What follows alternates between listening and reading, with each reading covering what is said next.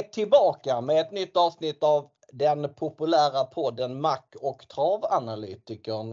Idag är det dock inte någon travanalytiker med utan det är som vanligt när så är fallet Mac och Kronberg. Jag får hälsa dig välkommen till dagens avsnitt eh, Niklas.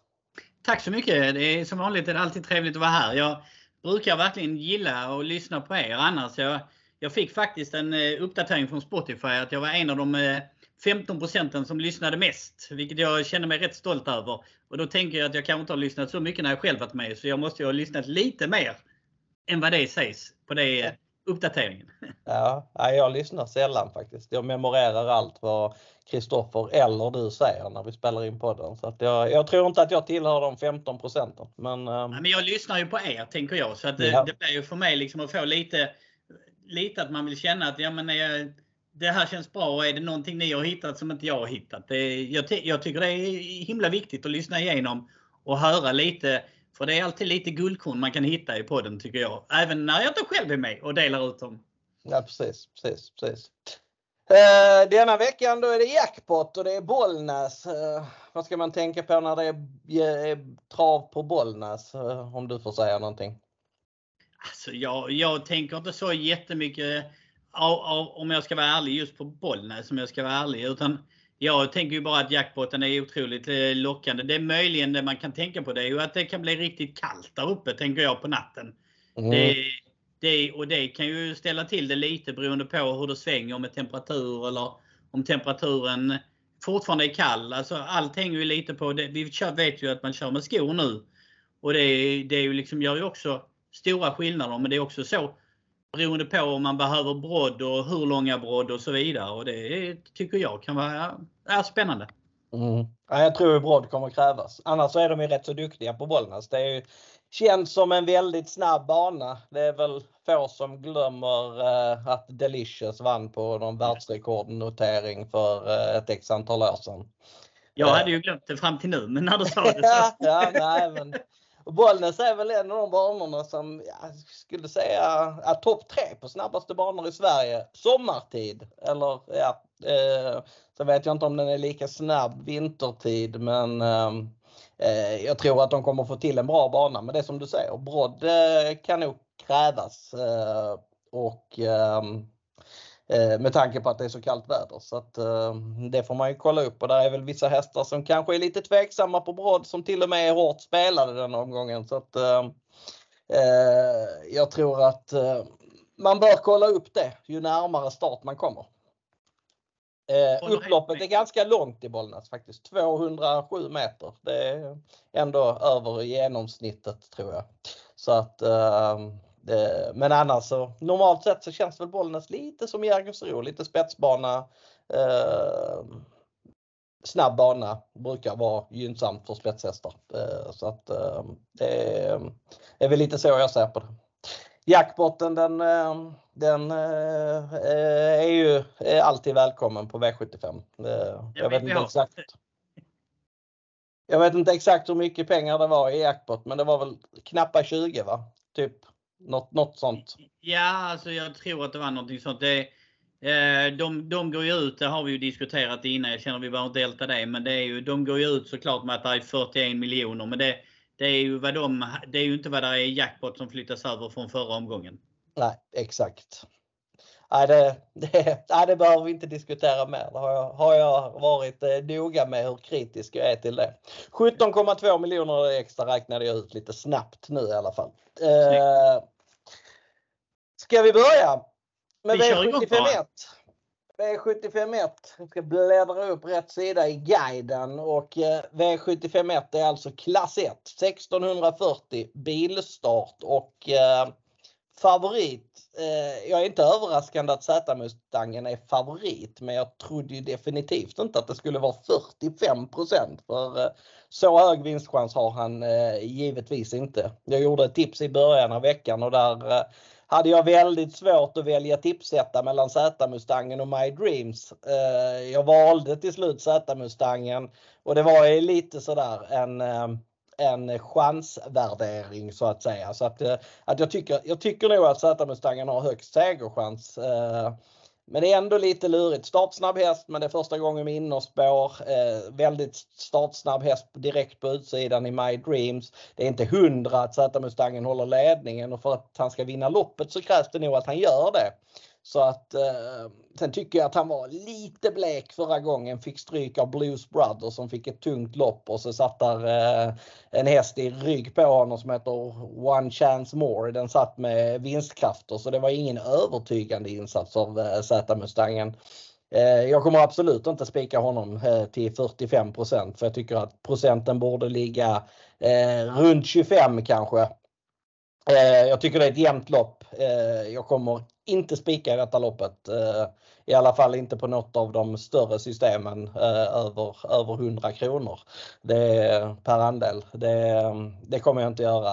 Eh, My Dreams den är väl, den är väl streckad ungefär som den ska vara. Han har eh, egentligen Eh, Eh, bäst meriter i sällskapet. Han var matchades för Sprintermästaren i somras. Eh, räckte inte där från ledningen men han kördes i spets mot hästar som Star och McCrow bland annat. Så att, ehm, eh, det är en normalt sett en bra spetssprinter men han har bara fått ett lopp i kroppen. Gick okej okay, utan att visa något extra då. Jag är lite tveksam till honom också så att eh, jag kommer sträcka på här. Jag kommer betala för 5 Hui den fick visserligen en, eh, en nivåhöjning som de eh, ryckte skorna på honom, slängde på en bike. Men jag tycker att han gick ganska bra med skor förra gången också, eller till och med klart bra. Så att eh, det är väl så att hela hästen har fått en nivåhöjning och jag tycker att den är tidig. Sen gillar jag nummer 10 Always Face. Jag var på honom på eh, eh Bergsåker eh, näst senast tror jag det var när han stod i eh, typ 30 gånger pengarna. Då, då varnade jag för honom. Jag varnade för honom även på Örebro. Det är väl ingen riktig sprinter. Han har bara gjort en start på, på eh, 1600 meter men inget kvitto hur han står sig riktigt. Men han vore gynnad av om det blev en tuff spetskörning här. Då kan han komma in i matchen och denna gången är han rejält bortglömd. Bara spelat på knappa 5 Sen kommer jag betala för 12 Liberty Boko som jag tycker är uppåt. Jag kommer betala för 11 Bottnas Justin trots att det är fel läge för startsnabb häst. Men jag tycker att han är bra nog att kunna tätstrida i ett sånt här lopp. Och sen kommer jag betala för nummer 9 Extremely Sweet som har eh, ett spännande läge, snabb ut, bra på att hänga med i rygg och har eh, två vassa startryggar i favoritduon Z-Mustangen och My Dreams. De här sju kommer jag sträcka på samtliga seriösa system eller samtliga system som är, har en lite dyrare insats. Eh, eh, det kan även vara så att jag heltäcker loppet men det, är ett, eh, det kommer att bli en dyr inledning för mig på mina system i alla fall. Hur ser du på inledningen Niklas? Jo, jag, jag har inte heller sådär jättelätt för den om vi säger så här. Därför jag, jag menar ju på att Z-Mustangen och My Dreams är bägge väldigt bra och de har ju varit ute både i derbykval och så vidare där de, som de skulle ta sig till derbyt höll jag på att säga. Men eh, när jag tittar på dem, de har ju mött helt annat motstånd där. Men jag är väldigt glad för en av dem du nämnde, faktiskt nummer 5, Louis, som jag tycker har gjort det väldigt bra. Och det är en häst som har presterat 13 tider med skor ett antal gånger. Och, ja, jag tycker det är en klart bra grej. Nu pratar jag medeldistans, men jag tror inte den är jättemissgynnad av eh, den kortare distansen heller. Och jag tycker den är klart intressant för jag har en feeling att de två första kanske kör lite mot varandra. Och eh, ja, då öppnar det upp lite för övriga hästar. Bland annat nummer 5 som jag nämnde då. Eller, och även nummer 10, Always Face. Men eh, min rank brukar, eh, tror, det säger jag att det är 5, 2, 1. Därefter 10. Och sen sträcker jag väl några till av de du nämnde tänker jag också. Mm. Låter inte som något spiklopp på poddsystemet i alla fall. Nej, det är definitivt inte för mig heller. Det skulle vara på min chans eller guldjakt där jag liksom försöker hitta lite andra varianter på det. Men inte annars inte på de större systemen i övrigt. Nej. Men jag känner mig klar med inledningen.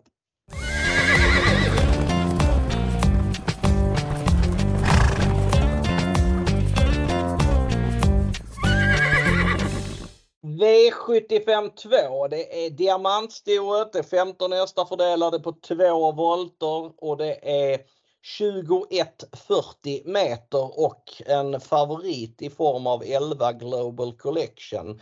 Jag var inne på det tidigare att det var vissa hårt betrodda hästar som kunde vara ha bekymmer med att tävla på brodd och Global Collection är en av dessa, kanske den som eh, eh kan tänkas vara mest missgynnad av skor och brodd. Eh, hon sliter lite med aktionen. Eh, det har varit starter då hon inte alls fungerat även om hon har gått med optimal balans. Så att henne är jag lite tveksam till. Eh, det kan ju bli bra med springspår, eh, inget springband för hästarna 1 till 5. Eh, det brukar vara gynnsamt. Hon kan hamna bra på det men jag är ändå tveksam till henne som klar favorit faktiskt. Hon är 35 som jag var inne på så gjorde jag tips i början av veckan. Där valde jag att tippa Udin Celeber etta. Eh, och det gjorde jag på att jag i det läget tyckte att hon hade högst vinstchans och det tycker jag fortsatt. Eh, hon borde komma till ledningen här. Det är spännande med Magnus A. Djuse för första gången på ett bra tag.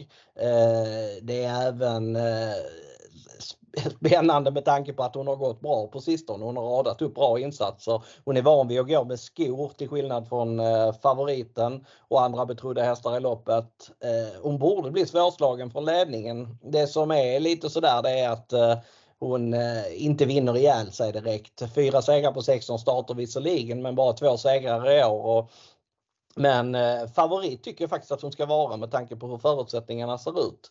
Eh, jag kommer att spika Udin Celeber på eh, en del system. Jag kommer inte ha henne som någon form av huvudspik. Jag tycker att det finns två starkare spikar sedan. Eh, ska jag gardera vidare i det här loppet så är det främst tre hästar. Det är givetvis favoriten Global Collection men det är även 10 Juilla som eh, har gått bra på slutet. Fick stryk av Decision Maker förra gången. Satt i ryggledaren då och fick chansen på upploppet och eh, hakade på väldigt bra. Eh, den har också springspår och jag tror att hon är lite snabbare ut än vad Global Collection är. Eh, kan eh, Ulf Olsson bara undvika döden så kan det dock bli en väldigt bra position så att eh, Joilla är tidig och sen kommer jag betala för en häst som är helt tappad på, av de tidigare spelarna och det är nummer 12 Sommarbris. Jag har sagt det tidigare att um, det här var faktiskt hyfsat nära att bli en Möllanhäst en gång i tiden. När hon var två år tidigt på säsongen så eh, fick jag tips om att man skulle köpa henne och eh, jag föreslog att vi skulle köpa henne till, till Möllan och ha henne som andelshäst men vi fick en, tyvärr inte riktigt ihop det. Hon inledde väldigt lovande som tvååring, var bra i början av treårssäsongen också men sen stagnerade hon, flyttades till Fredrik Wallin inför derbystoet var trea i försöket till det loppet eh, och såg ut som en ny häst då i värmningen. Sen gjorde hon en sämre insats men sen gick hon bra två gånger igen och intrycket näst senast i semifinalen i Breeders Crown var rent eh, magnifikt. Hon gick i mål med alla växlar sparade, rubbet kvar bakom eh, Decision Maker som vann det loppet eh, från ledningen. Eh, jag varnade för henne i Breeders Crown-finalen senast som en superskräll. Och även Fredrik Wallin, han var väldigt uppåt inför den starten med tanke på att hon stod i 68 gånger och han normalt sett håller en ganska låg profil som tränare. Eh, då var hon tyvärr inte fräsch. Eh, det är bara att glömma den starten. Nu är hon behandlad, jobbar starkt, känns precis lika bra som när hon gjorde bra insatser innan dess. Jag vill poängtera att hon gick bra med skor på Axvalla för tre starter sedan bakom nummer 15 Daytona Rock. Så att eh, eh, barfotaförbudet det ser jag inte som något jättebekymmer för henne och till 0,61% som hon är spelat på i nuläget så tycker jag att hon är värd en kraftig varning faktiskt. Hur ser du på diamantstoet? Spikar du, går du tunt eller är det bred gardering som gäller? Jag kommer att spika på något. Jag kommer faktiskt spika samma som dig. Udin ja. Celeb. Det, jag, är, jag trodde mycket på den sist också men då, då när, den, när han väl gick loss eh, och attackerade så var det ju alldeles för långt fram mot den bortflyende vinnaren Bottnas Justin. Så att det var liksom inte så mycket att säga om. Men den närmade sig ruskigt fort över upploppet. Eh, jag tyckte den gjorde ett kanonlopp och eh, jag tycker den håller extremt bra form om jag ska vara helt ärlig. Att det sen är Magnus A denna gången eh, i Sulkyn, det försämrar ju inte chanserna direkt utan självklart så är det en bra möjlighet tycker jag. Och Det är ju alltid en fördel när den står 20 meter före de värsta motståndarna. Det, det är ju en fördel såklart. Men du nämnde Summer Breeze. Jag vet att du nämnde den väldigt hårt sist även till mig när vi satt och pratade. Och jag hörde också Wallin i uppsnacket och han lät ju lyrisk om vi ska vara helt ärliga. Det, den är tidig men den, är inte, den, den kommer som femte rankad bland mina. Men eh, däremot så vill jag nämna en annan som du kanske inte riktigt nämnde upp här. Eh, nummer 10 Gevilla. Som jag tycker är klart kapabel. Även om det bara är en seger på 15 starter så har de ju mött helt andra hästar än man möter den här gången. Den har ett sjätte spår eh, på tillägg vilket är klart intressant.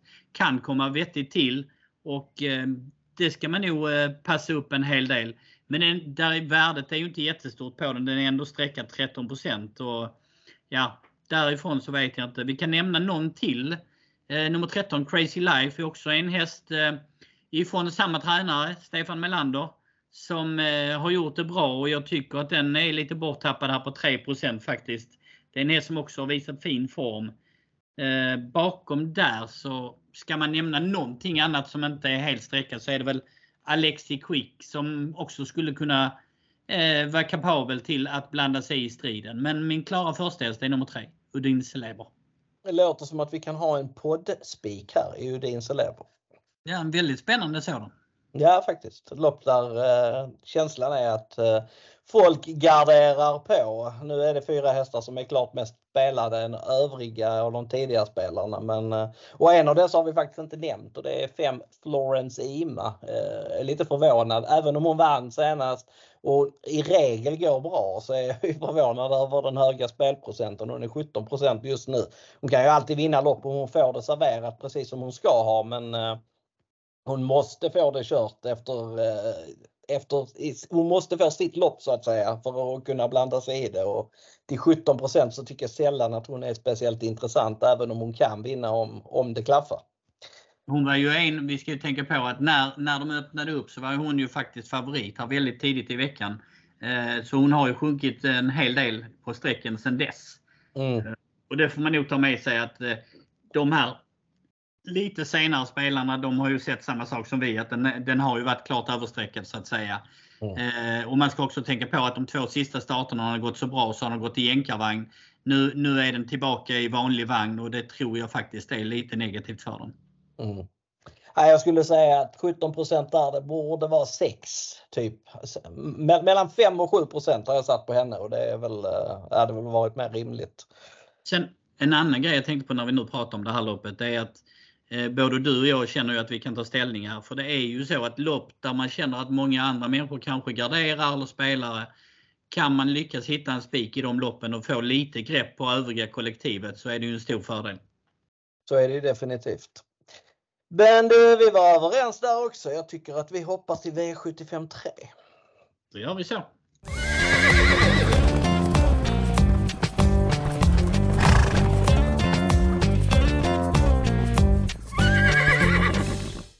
V75 3 och det är alltså lägsta klassen klass 2 2140 Auto och en eh, ganska stor favorit eller till och med stor favorit i nummer 4 Chuck Meras. Eh, det tycker jag är en bra häst för klassen det här faktiskt. Eh, eh var eh, utmanade bland annat Stonehills Vertigo som var favorit på V86 i onsdags.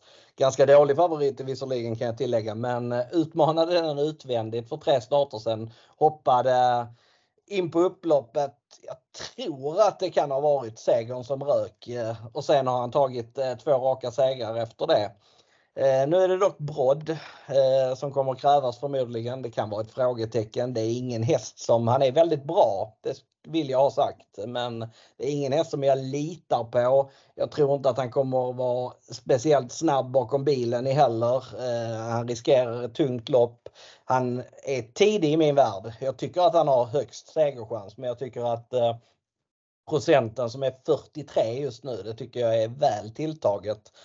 Jag tycker det är en häst i detta loppet som är ungefär lika bra som favoriten och det är nummer 8 Kapten Nemo som imponerade stort vid segern efter lång vila i sin senaste start. Hade varit borta Eh, drygt sju månader inför det, avslutade underkant 10 sista fyra. Han är väldigt startsnabb. Trots spår 8 bakom bilen så finns det faktiskt på kartan att han kan komma till ledningen och skulle han göra det, ja, då blir han väldigt svårslagen. Eh, jag trodde ju att han skulle vara betydligt mer spelad än vad han är just nu. Han är bara på knappa 7 eh, det är på tok för lite. Han borde vara uppemot 20 och med det sagt så tycker jag att eh, han är en tänkbar spik i loppet faktiskt. Han är ingen av mina huvudspikar men jag kommer att använda honom hyfsat flitigt som spik på en del system. Bakom eh, dessa två så tycker jag att det är två hästar som är värda att nämna. Eh, dels nummer 6 Sheriff Sund som jag tycker är väldigt bra när han eh, fungerar. Det var låga rapporter på honom inför senast efter vila. Eh, han gick väl inget extra då men gick ändå anständigt som sjua. Han kommer vara rejält framflyttad med det loppet i kroppen. Han är också tämligen lite spelad till typ 7-8 Tycker han är tidig. Sen tycker jag att eh, ett annat spetsbud i loppet, nummer 5 Konrads Palle också ska eh, räknas tidigt.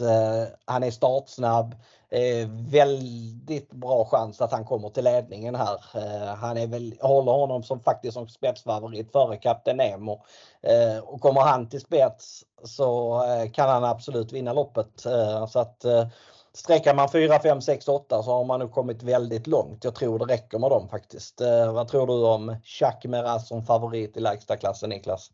Nej, alltså lägsta klassen och några favoriter. De försöker jag gärna hitta någonting som jag kan. Jag, jag gick igenom och tittade lite bakåt på eh, syskon och så vidare. Den har ju några syskon som inlett, eller inledde rätt okej okay, eller som har tagit några segrar. Men det har ju aldrig blivit mycket pengar intjänade på dem. Och det, jag tittar lite på det och sen tittar jag på hur det ser ut i ja, vad jag tycker den har gjort. Och den, den har sett fin ut, men inte så pass fin så att jag skulle fundera på att spika den. Och när de är streckade till de procenten om jag inte känner att jag skulle kunna tänka mig att spika dem, ja, då, då är de överstreckade utan tvekan. Så att för mig, eh, jag, jag har en första häst här som är intressant. Den är streckad typ eh, 7-8 men det är ju lite som dig. Din Kapten Nemo som du nämnde, den rankar jag trea. Men jag har nummer 6, Sheriff Sund, som jag tycker är oerhört kapabel de dagar den fungerar.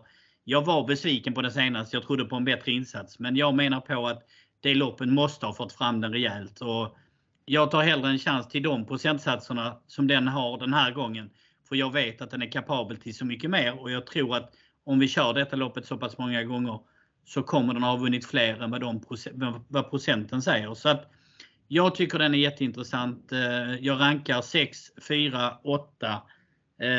Ska jag titta därefter så du nämnde också nummer 5, den är tidig. Nummer 12, Bengt har gjort det bra. Eh, man ska dock tänka på att de här sista tre segrarna de är tagna från ledningen. Men intrycket har varit sjukt bra om jag ska vara ärlig. Och, äh, ja, den, den, den kommer nog få lov att vara med på några av mina lappar i varje fall utan tvekan. Det, eh, jag känner ändå att den, den har sett väldigt, väldigt eh, okej okay ut i loppen. Så att, äh, ja, det, det, är en häst jag kommer att ta med också. Men äh, första hästen i loppet för mig, det är Sheriff Sund. Mm. Du har en etta till 7% och jag till 6% eller till 7-8 eller vad det är just nu. Men det är, det är låga procent i alla fall på tipsetterna. Hur är det du och Kristoffer brukar säga? Då har vi ett lås där till inga procent alls, eller hur är Ja, det? men det kan vara tänkbart faktiskt. Eh, måste jag säga. Det är kul lås. Definitivt. Definitivt. Det är betydligt större chans att låset sitter än vad eh, spelprocenten antyder att det är i alla fall. Det håller jag med om. Ska vi hoppa vidare till nästa avdelning? Ja, men det gör vi.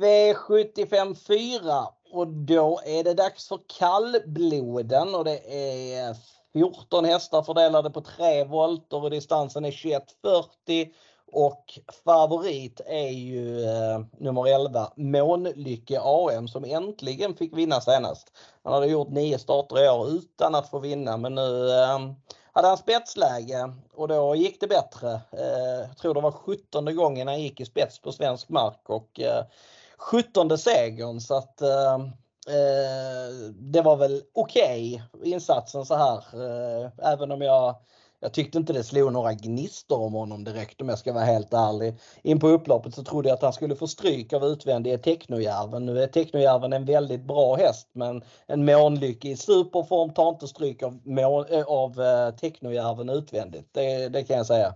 Eh, jag är fortsatt lite skeptisk till Månlycke, speciellt när han ska tävla bakifrån som nu. Det är, tycker han är tveksam sista biten. Eh, nu sträckte han på sig senast men det var som sagt från ledningen som är hans favoritposition. Jag eh, tycker helt enkelt att han ska vara favorit här. Här kommer min huvudspik i omgången. Det är nummer 13 Stumnefyr. Eh, jag tror att många minns honom med förskräckelse i princip från i höstas då han eh, vann unionskampen på Färjestad och slog storfavoriten Tangenborg. Han var ruggigt bra då, sprang 24 full väg. Visserligen var det kraftig överpace men eh, han gick utvändigt eh, dryga sista halvvarvet och avgjorde väldigt enkelt och sen eh, har han fortsatt att leverera. Två andra platser bakom Grislefaxen GL som är eh, en av Norges absolut bästa hästar. Och senast stod han alltså i 1,80 när han mötte ett bra norskt gäng och ehm, han eh, kom till ledningen då, gick undan på väldigt lätta fötter. Det var väldigt bra intryck. Eh, nu möter han snarare sämre hästar, är inte favorit. Eh, det kanske han blir till slut eh, för att det är nog många som tänker som jag att eh, Stumnefyr borde vara favorit i det här loppet. Eh, jag tror han har toppchans att runda till seger faktiskt. Till 24% så tycker jag att det är i stort sett tjänstefel att inte gå på honom faktiskt. Eh, ska jag gardera vidare i loppet så är det Brännrön nummer eh, 5 med Björn Goop. Det är såklart spännande. Eh, han har kört hästen till seger förut. Eh, den skulle kunna sitta tidigt i ledningen här och eh, då blir inte han lätt, helt lätt att passera. Sen tycker jag såldhöjdens drake nummer 14 är intressant. Han var ute mot Månlycke AM förra gången. Eh, hade då Oval Linkvist i vagnen för första gången och det var ju eh, en klar nivåhöjning. Nu får han Per Lennartsson i vagnen. Eh, det är ju minst lika intressant tycker jag så att eh, till 4 så kan han vara värd att betala för om man inte spikar Stumne 4 som jag kommer göra på merparten av mina system. Vad tror du om kallbloden Niklas? Ja, vi är överens. Jag behöver inte säga så mycket mer. Vi är helt klart överens. Jag tycker att eh, Stumne 4 så som den har sett ut i Norge på slutet. Jag är väldigt glad för när norska kallblod eh, kommer till Sverige för jag tycker att de eh, ja, har en lite högre potential oftast eh, och har en annan hårdhet än vad våra svenska kallblod har. Eh, jag tycker alltid det är intressant på V75 när de kommer hit för att det är ju så att man är ju ofta lite lojal mot sina egna och ja, det, om vi säger de flesta andra de, de är ju glada för de svenska hästarna om vi säger så. Det är de de ser mest och kan mest. Och då drar de automatiskt på sig streck. Jag menar många som följer eh, travet om vi säger V75, V86, de har ju sett Månlykke AM så många gånger så att de vågar ju inte gå på en häst som Stumnefyr kanske som de inte har lika full koll på. Medan de, eller de kanske, ja men vi dubblar ändå med Månlykke och så vidare. Nej, jag tycker att Stumnefyr har en väldigt, väldigt bra chans att vinna. Eh, jag rankar nummer 5 Brännerön som tvåa, Månlykke AM som trea, därefter Solhöjdens Drake. Så vi, vi är förhållandevis väldigt överens i det här loppet måste jag säga. Mm. Ja, jag har inte så mycket mer att tillägga faktiskt. Nej, jag tyckte du tömde ut det bra så jag ja. var rätt nöjd redan där. ja. Men då går vi vidare till avdelning 5.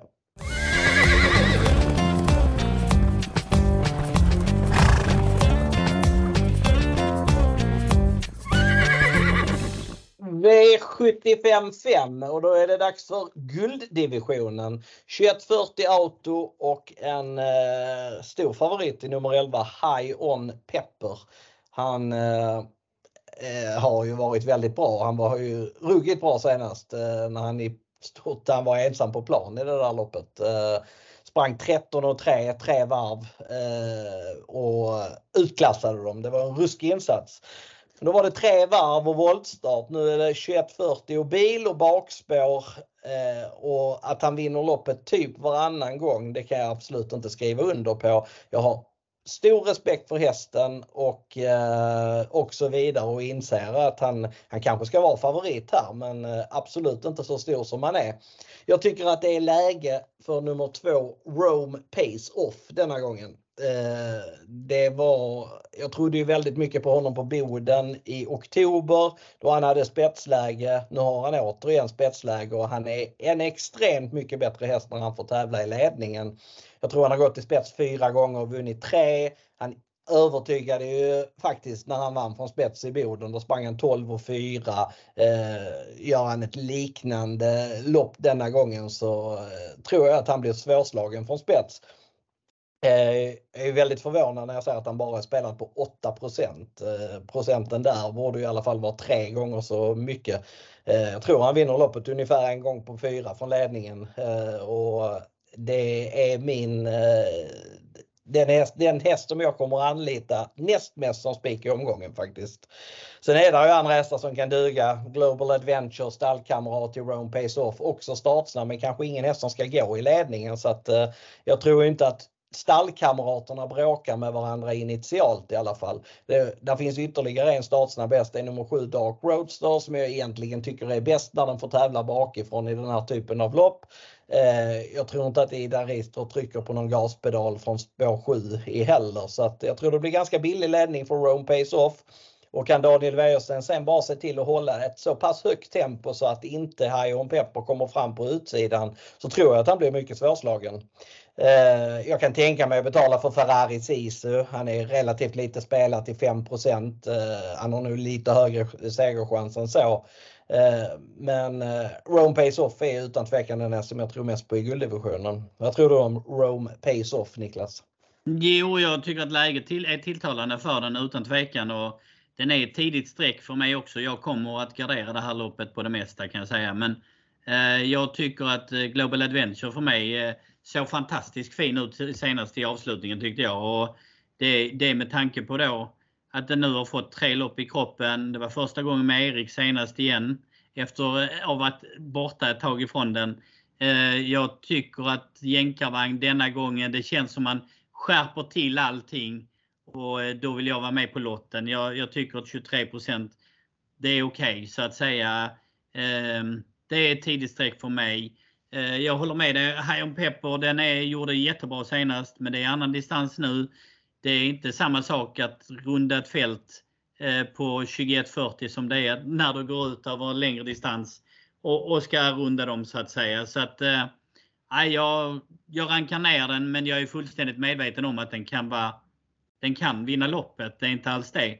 Men jag tycker den är sträckad alldeles för mycket i en gulddivision för att eh, jag har inte riktigt höjt den dit upp än där jag vill att den ska vara 46% Och jag tror att den mycket väl kan stiga också till på köpet, vilket jag, ja, det, det, det, gör ju att jag tycker att det är lockande att gardera. Som du nämnde, Rome Pace Off. Ferrari Sisu är en häst som jag håller varmt om hjärtat. Jag tycker den är väldigt tidig också att sträcka här. Den var klart slagen av Hion Pepper sist, det var inget att säga om. Men jag tycker fortfarande, den har ett tredje spår, alltså den har ett mycket bättre läge den här gången än Hion Pepper. Och det borde ju tala lite till dens fördel. Så att eh, varför inte? Så de fyra hästarna i varje fall i första hand från min sida. Mm. Men då går vi vidare till avdelning 6.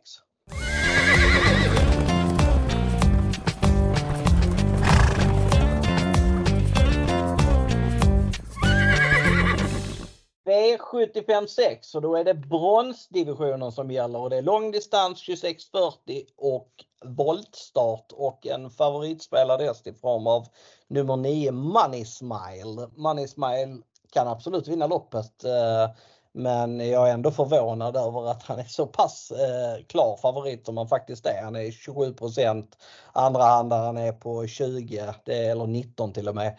Eh, så eh, hög segerchans har han helt enkelt inte. Eh, han är väl en av fyra, fem hästar som jag tycker ska rankas överst men jag har honom nog bara som fyra i min rank. Eh, jag var imponerad av 7 9 points Lasse förra gången. Han kom till ledningen då och drog undan till en väldigt enkel seger före nummer 2 Global Above All.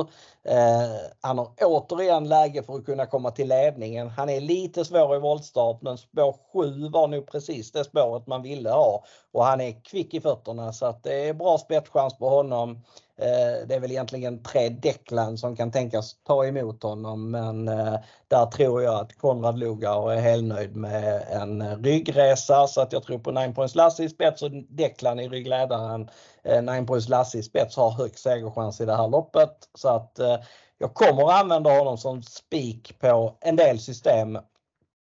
Spikar jag inte så kommer jag betala för Declan Eh, som blir allt bättre. Eh, han gick rätt så bra förra gången också, kom aldrig in i matchen då. Vann sitt lopp, då var det spets och släpp och eh, sen avgjorde han enkelt mot Tears in Heaven så att han är bra Eh, och eh, tidig. Global above all eh, kan också tänkas. Sen vill jag varna för en riktig skräll och det är nummer 12 One Crystal som jag tycker är en väldigt bra häst i grund och botten. Han har matchats sådär halvtufft eh, av sin tränare Stefan Arvidsson i hela karriären. Aldrig mött de där absolut bästa kanske men eh, mött dem strax under och gjort det väldigt bra. Nu är det spår 12 men det är lång distans, då spelar inte startspåren lika stor roll. Skulle han komma in i matchen, vilket man ibland kan göra från spår 12, eh, han skulle kunna skära ner i banan, han är snabb i, i fötterna den där.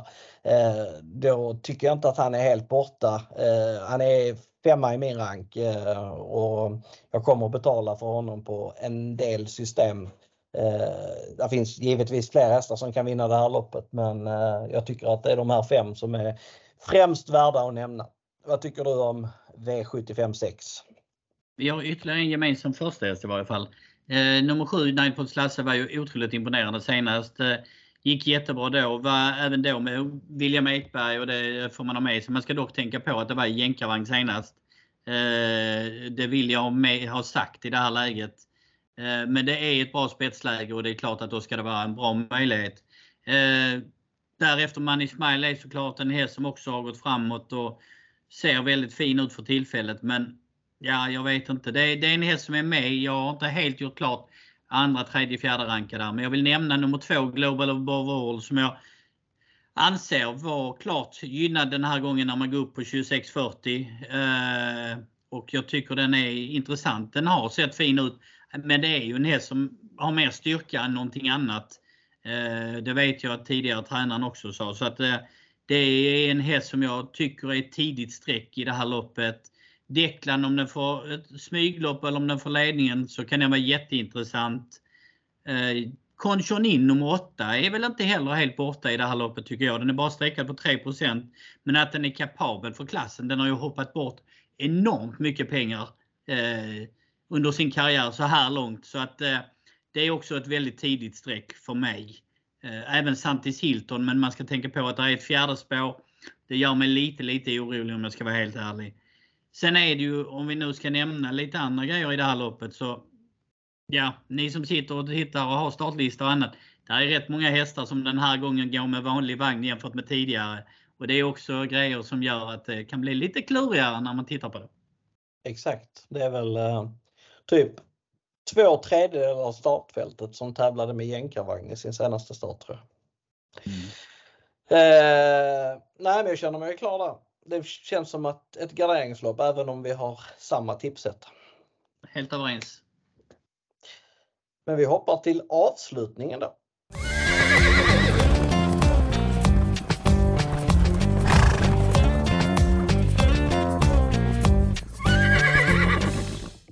V75 7 och då är det näst högsta klassen. Silverdivisionen 2140 autostart och en favorit i form av 5 Hannibal Face som nu har gjort eh, fyra starter för Björn Goop. Eh, eh, var, ja vad ska jag säga, han gick ju faktiskt väldigt bra förra gången även om det bara står en femteplats i resultatet. Han mötte fyra Garth Wader då och det var ett väldigt konstigt lopp.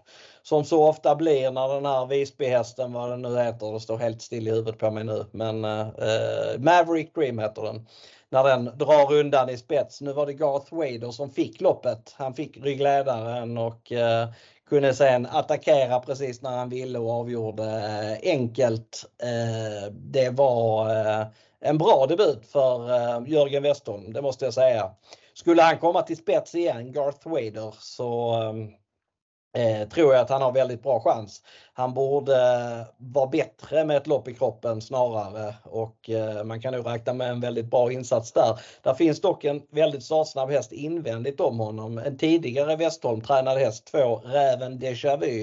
Eh, han har körts väldigt defensivt i de här starterna han har gjort för Fredrik Wallin. Jag tror han har gjort nio starter för Fredrik Wallin och kört defensivt i stort sett varje gång. Men i grund och botten är det här en väldigt startsnabb häst som från bricka 2 bakom bilen på Bollnäs som är väldigt fördelaktigt där och har spår eh, långt ner på vingen. 1-2 är väldigt bra på Bollnäs. Eh, så tror jag att han blir svår att lugga på ledningen och jag tror ju att Carl-Johan Jeppsson väljer att köra honom i spets denna gången och det gör det lite jobbigt för Garth Wade som jag annars hade tyckt hade haft en väldigt bra vinstchans här. Nu kommer det här förmodligen inte bli något spiklopp för mig. Jag kommer sträcka fyra hästar förutom de tre jag har nämnt, även nummer tre Corazon DB som jag trodde skulle vara lite missgynnad av skor förra gången men han var ju väldigt fin när han avgjorde plättlätt från döden så att eh, han kommer nog få en fin vinter om han väljer att starta på eh, och jag tycker att han är ett tidigt bud här till 10% Sen betalar jag gärna för 10 LA Boko och 1 Cab Frontline också. Eh, även om jag tycker att procentsatsen 13 respektive 9 på dessa hästar är ganska ljummen så, så tycker jag att eh, betalar man för dessa sex som jag har nämnt så har jag svårt att se hur man inte skulle klara sig i avslutningen. Har du någon skräll i avslutningen som du tycker att jag har glömt Niklas? Nej, det, det, tycker jag faktiskt inte. Men eh, vi har inte samma första Jag har faktiskt nummer 4 Gart Wade och jag spikade faktiskt på något sist till låg procent. Eh, och, ja, den fick ju loppet som du sa, men den gjorde också en väldigt bra insats. Jag tyckte också att man hörde mellan raderna på Jörgen Westholm, man lät väldigt uppåt hela veckan på hästen och eh, varnade ju faktiskt en hel del för den. Vilket jag var förvånad över att den var så lågt sträckad i början. Men den steg ju lite mot slutet men det var ju fortfarande inte några höga procent. Ehm, den gjorde det jättebra. Och eh, jag tycker att det ska vara tidigt streck. Den har ju inte gjort några fel som jag ser det. Ehm, så för mig blir det första hästen. Men jag har varit imponerad av eh, Reven Deja Vu på slutet. Och det är ju så lite grann att den har ju gått bra bakifrån nu och jag vet att när den var hos Jörgen Westholm då var man ju lite inne på att den, ja, den går ju bäst där framme i spets och så vidare. Så skulle den ha höjt sig lika mycket till det, ja då, eh, då blir den nog väldigt svår att tampas med här. Men eh, det är ett tidigt streck för mig också såklart. Eh, Hannibal Face som du nämnde. Du sa ju egentligen allt som nämndes där också om den. Ja, och sen nämnde du mina andra, LA Book och Corazon de Bay. Och så då sjätte häst som, som jag ser det är på läget Cap Frontline som har visat fantastiskt fin form. Och ja, jag tycker Thomas Pettersson har gjort det väldigt väl faktiskt eh, med Cap Frontline. Så att ehm, nej, det, det är väl de hästarna som är i första hand eh, de som ska sträckas. Mm. Vad tror du, kommer det bli miljonutdelning på V75 den här veckan? Nej, det är jag väl inte inne på att det ska bli, men ja, man, man, ska ha det med sig ändå. En grej förresten, jag kom på en grej att nämna. Förlåt, mm. då hoppar jag tillbaka till avdelning 7. Men jag kom på det att man ska ju ha med sig GRJs Wolverine som nu kommer tillbaka i ny regi och gör comeback.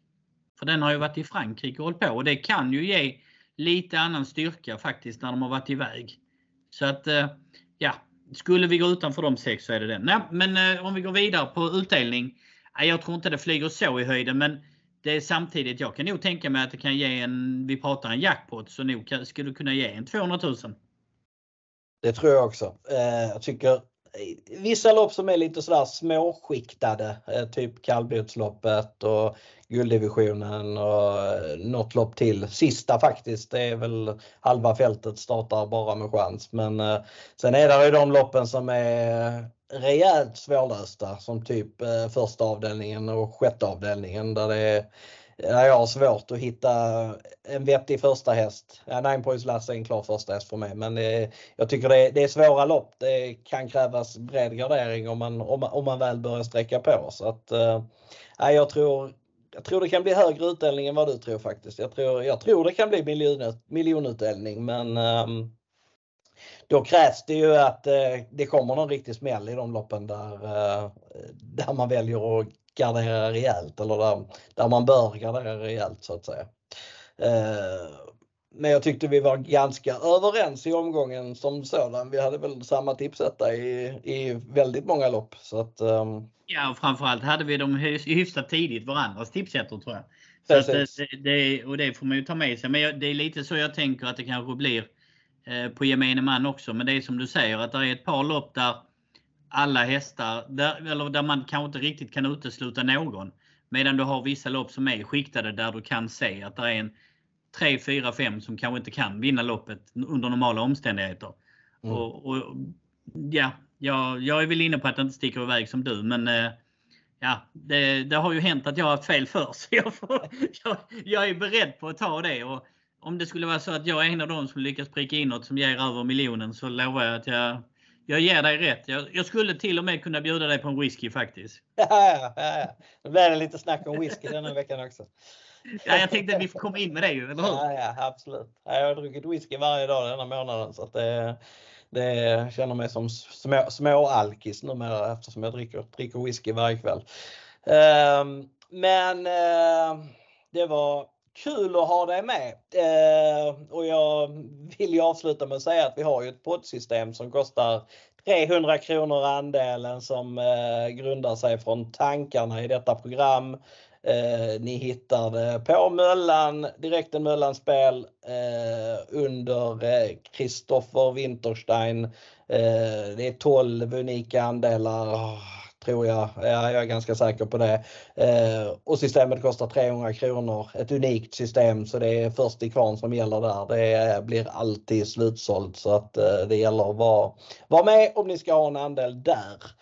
Eh, jag kan gissa att det kommer att bli spik på eh, Stumnefyr och Udin Celeber som jag känner just nu. Eh, det, och kanske ett fräckt lås i avdelning 3 med Kapten Nemo och Sheriff Sund. Så att, och sen har vi råd att täcka fyra lopp. Så, så, så tror jag att systemet kommer att se ut.